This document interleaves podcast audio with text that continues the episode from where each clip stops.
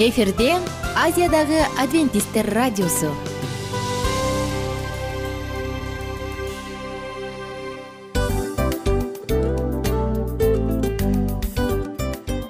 Достор салют. Баардык сүйүктүү угармандарыбызга салам айтабыз. Кутман күнүңүздөр менен. Ден соолук өмүрдүн булагы демекчи саламат саамы программасында баарыңыздарды көргөнүбүзгө абдан кубанычтабыз. Анда алгач амандашып өтөлү арбаңыздар деп. Ден соолугуңуздар кандай элибизде көбүнчө ден соолук кандай дегенде эле жакшы деп жооп беребиз э? ооруп турсак дагы жакшы дейбиз. Анан мен муну айтып ойлойт элем бул абдан сонун сөз депчи анткени бул жакшы деген үмүт да э ооба. баары жакшы болот. Баары сонун. Деп үмүттөнүп атып эле өзүбүздү өзүбүз дарылап коебуз. Анысы кандай? Сиздин дагы ден соолугуңуз жакшы беш деген үмүттөбүз чындыгында ден соолук бул өмүрдүн булагы деп бекеринен айтылган эмес деп ойлойм. Кыргыз элинде. Анткени эгерде ден соолук жок болсо анда адамдын жашоосунда калган баардык керектүү маңыздуу нерселер өзүнүн баалуулугун жоготуп коет. Ошондуктан ден соолук бул эң керектүү нерсе. Ооба туура айтасың кесиптешим. Чынында ден соолугуң жок бир эки үч күн ооруп калсаң эле э кандай болуп калат? Жашоодо көз каранды болуп каласың көп нерсеге жетишпей каласың көп нерсени кыла албай каласың жада калса эшикке дүкөнгө да чыга албай каласың. Туптуура анан ден соолук болсо демек биз биздин бактыбыз тоодой деп койсок болот. Анда достор саламат рубрикабызды баштайлы. Алдыда өзүңүзгө керектүү болгон сонун кеңештерди уга аласыздар. Мына ошондуктан биз менен бирге болуңуздар. Ал эми биз болсо милан жана айнура. Кеттик алга. Алга саламат саама ден соолуктун жарчысы. Саламат саама ден соолуктун ачкычы. Күн сайын сиз үчүн мыкты кеңештер сонун жаңылыктар кызыктуу фактылар. Биздин рубрикада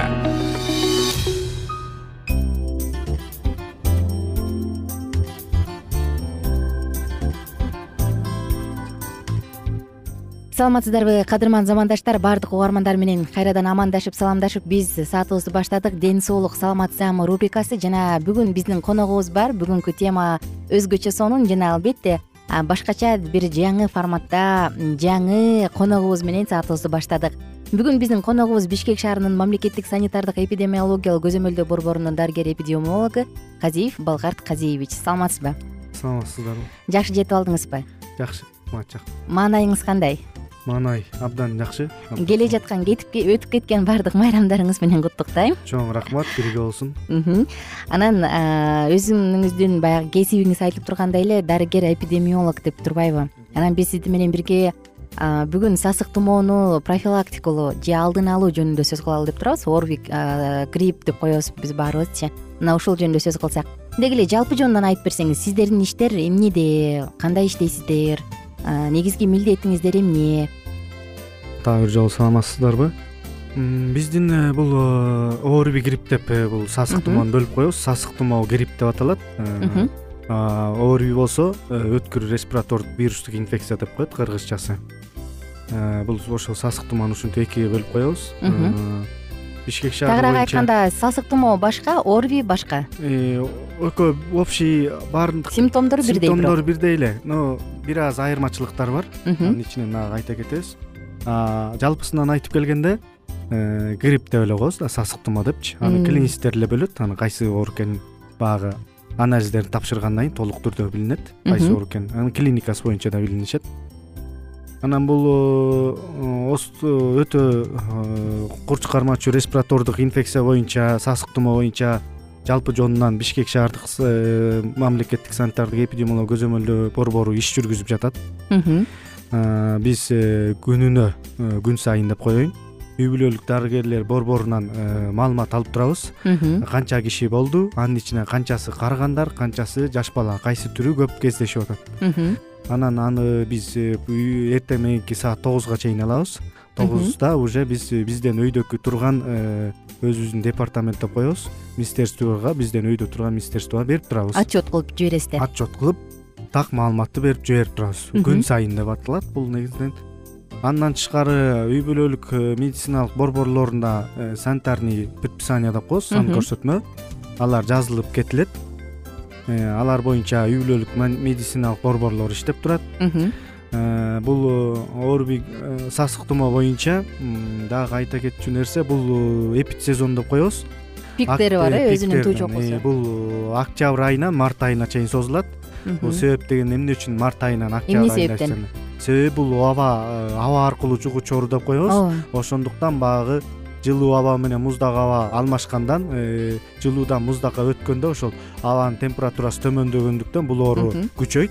Ошондуктан бул март айында күч ала баштайт. Мага бир доктур айтты эле да сасык тумоо грипп деген оору жок депчи.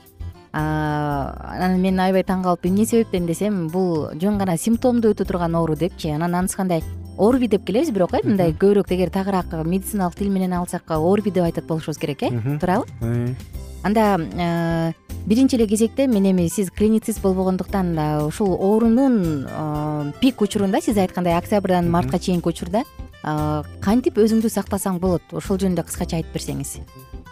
Бул октябрь айында башталат дебедимби октябрь айында бул оору башталганда эле Э, бул э, бизде деген экиге бөлүнөт бул профилактика деп коет алдын алуу жолдору. Ооба. Специфический неспецифический деп бөлүнөт да. Бул специфическийге бул вакцинация болуп кирет. Вакцинация кирет. Экинчиси баягы неспецифическийге э, баардык түрүнөн айтып келсек ал баягы полноценный сон туура укта толук кандуу уйку. толук кандуу уйку. Сегиз сааттык уйку. Здоровый образ жизни деп коебуз баягы сергек жашоо сергек жашоо деп коебуз андан тышкары баягы үйдөгү ичиндеги нымдап жүрүү деп коебуз.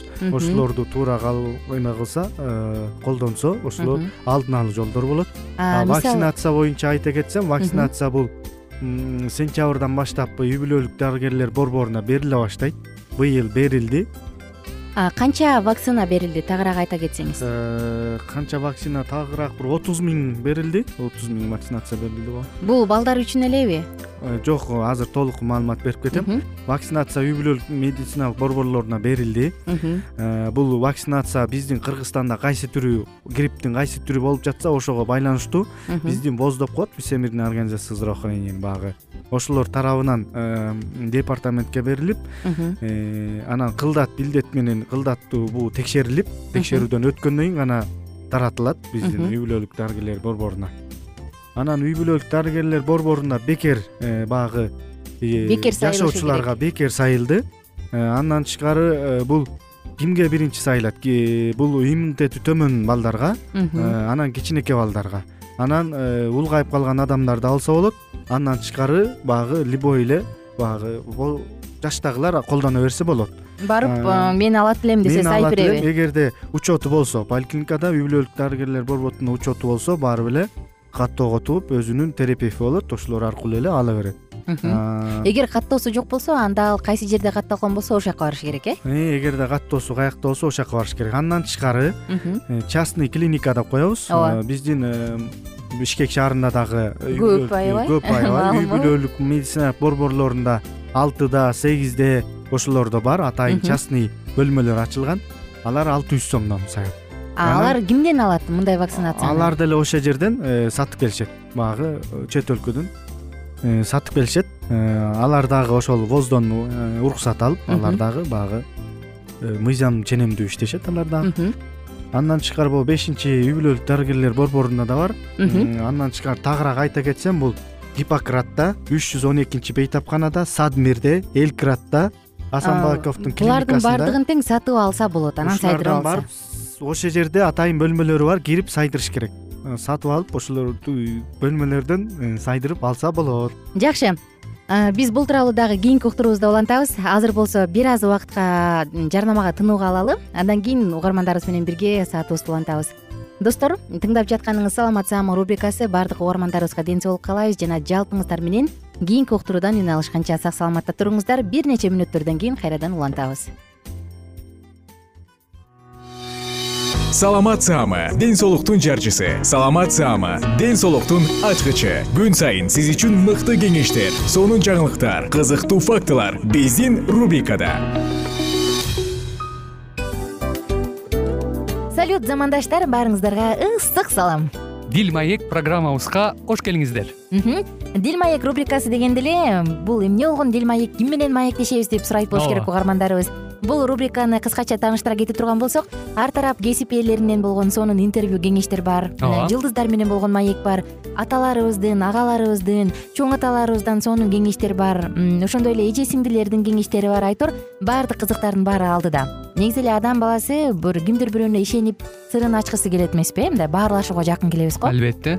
Негизи бир жерге отуруп алып кенен шашпай баягы жүрөктөн жүрөккө ачып сырларыбызды ар кандай көйгөйлөрүбүз менен бөлүшүп баягы чын жүрөктөн маек курганды кимибиз сүйбөйбүз э? Ооба десең ал нерсеге суусап да келебиз да. Ооба кээ бирде адамга чындыгында баягы э, ысык маек баягы жылуу маек жетишпейт да. Ошондуктан биз ушул рубриканы ойлоп тапканыбызда эң биринчи эле достор сиздер менен чын жүрөктөн бир маңыздуу темаларды козгоп кеткени э, кааладык. Ошондуктан ушундай сонун бир рубриканы тартуулап жатабыз. Анын үстүнө радио дагы сонун дос да анткени э, мындай учурда досуңа айтсаң досуң досуна айтат досу досуна айтат да анан бүт өлкө билип калышы мүмкүн го.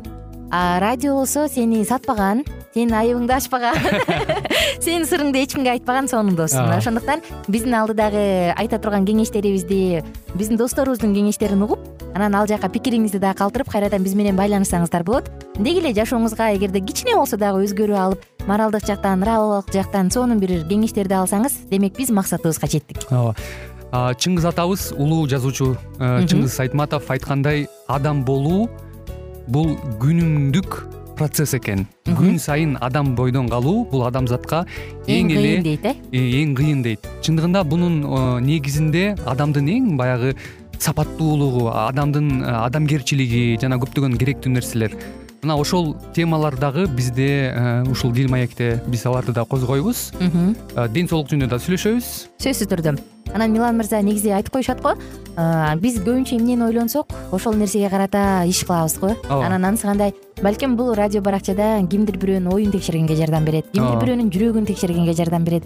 Балким кимдир бирөөгө жашоонун маңызын тапканга жардам берет айтор кызыктын баары алдыда бул жөн гана кыскача жарнама анда угармандарыбыздын баардыгын кийинки рубрикабызга чакырабыз. Ал эми кызматта маңдайымда отурган кесиптешим милан жана мен айнура. Анда эмесе биз даярдаган терең терең ойлор менен таанышууга кеттик. Алыс алыс баралык. Анда эмесе достор биз менен бирге болуңуздар алдыда эң кызыктуу маалыматтардын баардыгы бир нече мүнөттөр бою жалгыз гана сизге арналат мына ошондуктан жакшы маанай менен угууну каалайбыз. Үн алышканча жөнөдүк. Ар түрдүү ардактуу кесип ээлеринен алтын сөздөр жүрөк ачышкан сыр чачышкан сонун маек. Дил маек рубрикасында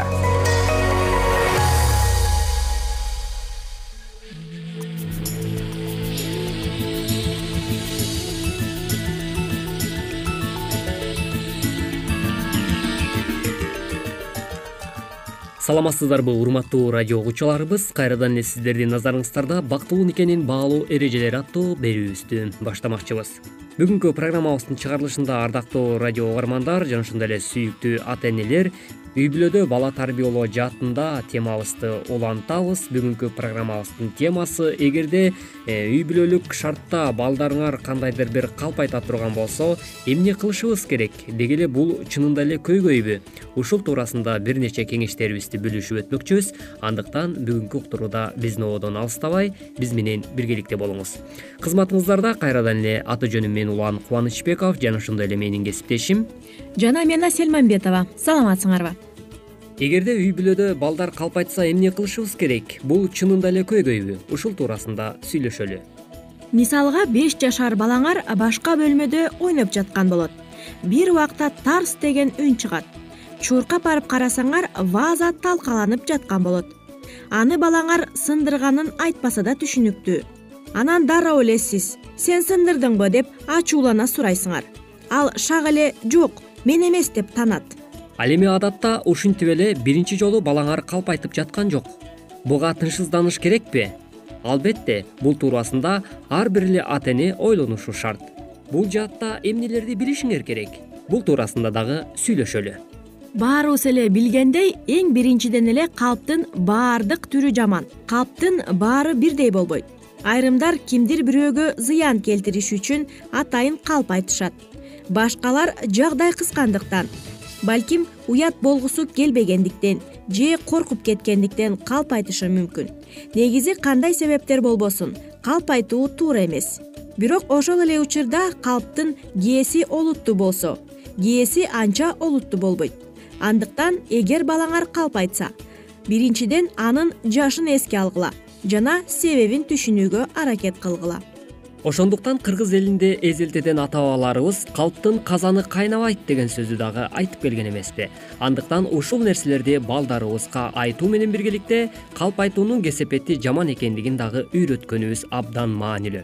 Чындыкты айтууну кичинесинен баштап үйрөтүүгө аракеттенели. Балдардын психологиясы боюнча мыкты адистер мындай деп ата энелерге айтат экен.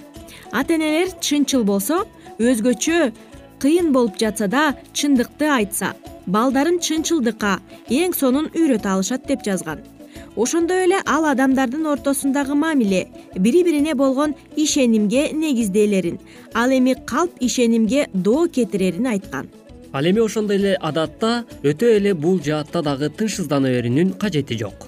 Балдарыңардын калп айтканын анын сөзсүз эле жаман болуп бузулуп баратканын билдирбейт кээ бир балдар ошентип айтсам жазаланбай калам деген ойдо калп айтып акылсыздык кылышат. Андайда кандай кылуу туура болорун билгениңер абдан маанилүү. Андан сырткары биз эмне кылсак болот? Балдарыңардын эмне үчүн калп айтып жатканын түшүнгөнгө аракет кылгыла. Ал жазадан корккондуктан калп айтып жаткан жокпу. Же силерди капа кылгысы келбегендиктен калп айтып жатабы балаңар жашоодогу нерселер менен кыялындагы нерселерди айырмалай албай турган куракта болгондуктан эле досторун таң калтырып ар кайсыны оюнан чыгарып айтып жаткан жокпу. Эгер балаңардын эмне үчүн калп айтып жатканын түшүнсөңөр аны оңдоп түзөш да оңоюраак болот. Ошондуктан айрым учурда суроо бербей эле койгонуңар оң программабыздын башында сиз уккандай эле. Мисалга энеси вазаны баласы сындырганын билип эле турса да сен сындырдыңбы? деп ачуулана сураган. Ошондо баласы коркуп кетип калп айтып жиберген. Эгер апасы суроо бербей эле ай вазаны сындырып салган турбайсыңбы? десе баласынын калп айтышына шарт түзмөк эмес. Жана ага чынчыл болууга жардам бере алмак чындап эле кесиптеш ушул нерсени дагы эске алып койгонубуз абдан маанилүү экен. Кээ бир ата энелер дагы баягы жашоодо балдары калп айтканга өздөрүбүз дагы биринчиден демилге болуп мындай бир шарттарды түзүп берип коет экенбиз да. Жогорудагы окуядагы сыяктуу элечи мисалы ошол баласы э, вазаны сындырып алганын э, билип туруп деле э, вазаны сен сындырдыңбы деп бул суроо суроонун өзү эле бул баланын калп айтканына түздөн түз биз э, шарт түзүп койгон болот экенбиз. Демек мындай нерселерди дагы кээ бир учурда биз эске алганыбыз абдан маанилүү экен. Сен кандай дейсиң? Туура сен сындырдыңбы деп көрүп атсак дагы сурабай эле сен сындырган турбайсыңбы десек албетте бала калп айта албай чындыгын айтат андан тышкары чынчылдыкты баалаганыңарды дагы көрсөтүш керек. Балдар адатта ата энесине жакын келет эмеспи. Ошондуктан балаңар чынчылдыкты абдан бааларыңарды жана анын чынчыл болушун кааларыңарды билишсин. Балаңар эгер калп айта турган болсо ишеничтен чыгып калаарын ошондой эле кайрадан ишеничке ээ болуш үчүн көп убакыт талап кылынаарын түшүндүргүлө. Андан сырткары чындыкты айткан сайын мактап тургула мисалы сенин дайыма чынын айтканың мага абдан жагат деп айтсаңар туура болот адатта биз ушундай нерселерди айтуу менен биргеликте балдарыбызды чынчылдыкка жана акыйкаттуулукка тарбиялаганга дагы аракеттенген болот экенбиз ардактуу ата энелер демек бул нерселерди эң биринчиден өзүбүз э, баштап жана демилгени колго ала турган болсок анда баягы э, кичинекей балапан э, уядан эмнени көрсө ал учканда ошону алат деген макал дагы ушул нерсеге дал келет экен мисалы кесиптешим ушул нерселерди угармандарыбыз менен бөлүшүп жатып менде дагы бир ой жаралды да мисалы өз учурунда кыргыз элине өзгөчө аттын кашкасындай белгилүү болгон таанымал э, баягы советтер союзунда өзгөчө өзүнүн инсандык ордун тапкан коомдук ишмер э, исхак разаков деген адам дагы ушунчалык бир чынчылдыкка мындай э, өтө аяр мамиле кылган инсан болгон экен да. Мисалы ошондуктан ал айткан экен эгерде мен таза болсом сен таза болсоң анан коом дагы таза болот деп. Мындан дагы биз көрсөк болот жана сабак алсак болот экен. Чындап эле адам эң биринчи өзү үлгү болот турган болсо анда башкалар дагы аны көрүп анан ошол нерсени кыла алат экен. Угармандарыбыз ушуну менен бизге бөлүнгөн убакыт дагы өз соңуна келип жетти. Бүгүнкү уктуруубузда сиздер дал ошол балдарды чынчылдыкка тарбиялоо жаатындагы э, бир нече кеңештерге орток боло алдыңыздар. Уктуруубузга назар салганыңыздар үчүн ыраазычылык билгизүү менен биргеликте кайрадан эле бактылуу никенин баалуу эрежелери аттуу программабыздан кезишкенче сак саламатта болуңуз ар түрдүү ардактуу кесип ээлеринен. Алтын сөздөр жүрөк ачышкан сыр чачышкан сонун маек. Дил маек рубрикасында. Жан дүйнөңдү байыткан жүрөгүңдү азыктанткан жашооңо маңыз тартуулаган жан азык рубрикасы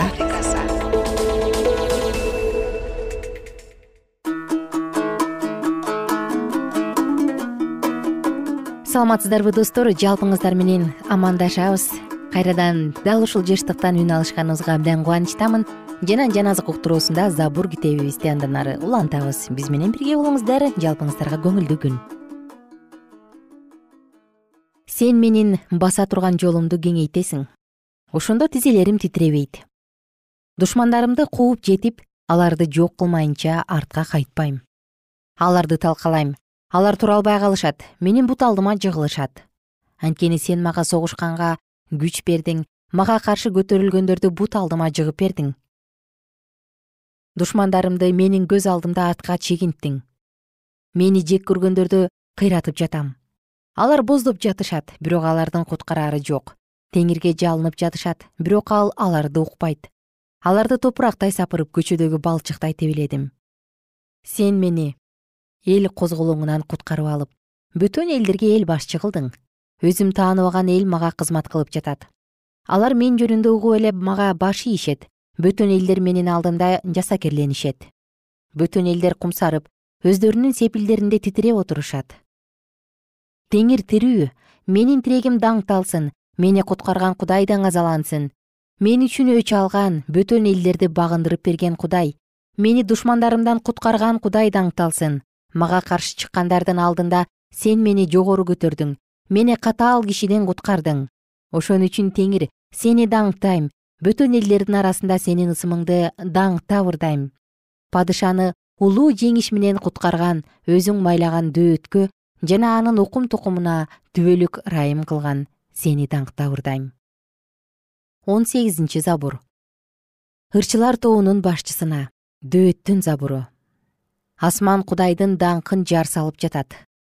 Аалам анын колдору жасаган иштерди кабарлап жатат. Күн күнгө сүйлөп түн түнгө билим берет. Алардын үнүн укпаган бир да эл бир да улут жок. Алардын үнү бүт жер жүзүн аралап өтөт. Алардын сөзү аалам чегине жетет. Кудай алардын арасында күнгө турак жай тургузуп берди. Ал нике үйүнөн чыккан күйөөдөй болуп чыгат. Өз жолун басып өткөн күлүктөй кубанат асмандын бир четинен чыгып экинчи четине барат. Анын жылуулугунан эч нерсе жашырынып кала албайт. Кудайдын мыйзамы жеткилең ал жанга күч берет. Теңирдин сөздөрү туура ал жөнөкөйлөрдү акылдуу кылат. Теңирдин буйруктары адилет жүрөктү кубантат. Теңирдин осуяттары жарык көздү ачат. Теңирден коркуу таза нерсе ал түбөлүктүү.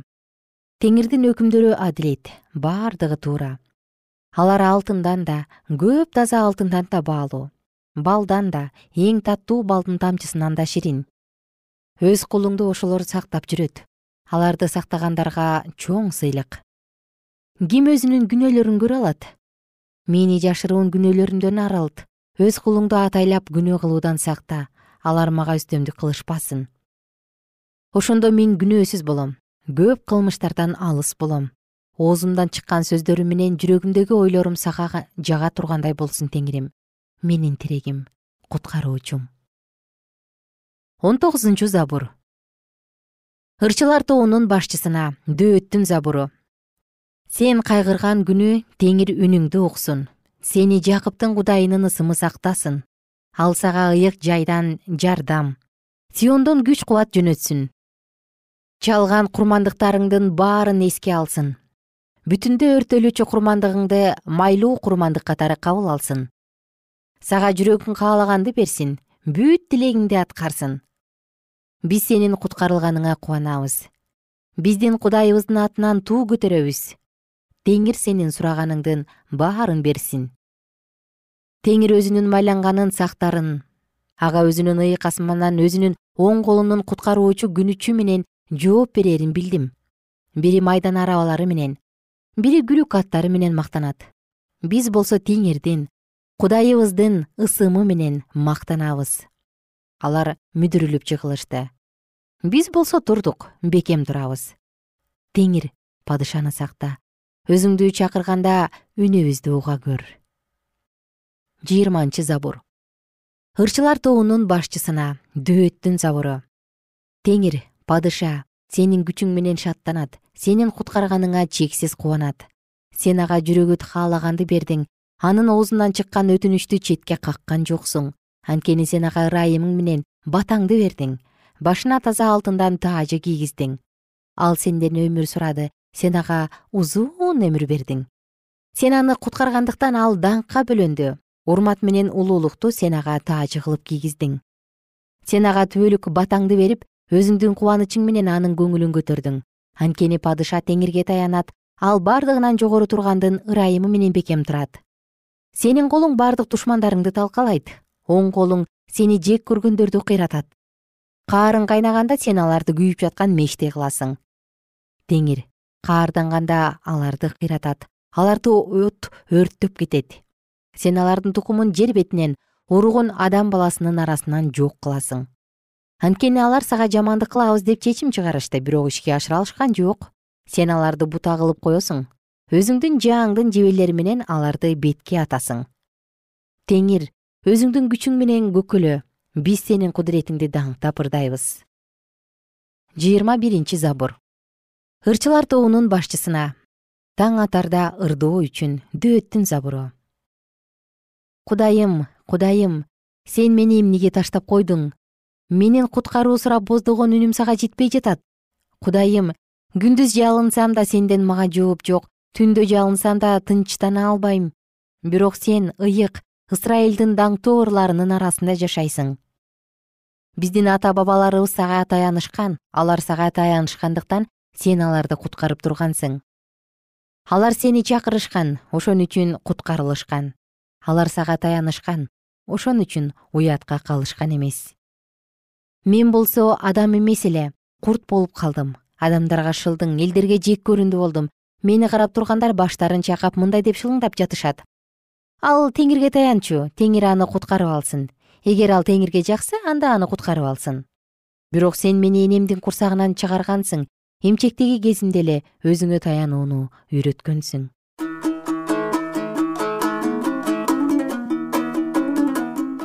кымбаттуу достор забур китебин кийинки уктуруубузда улантабыз кайрадан үн алышканча.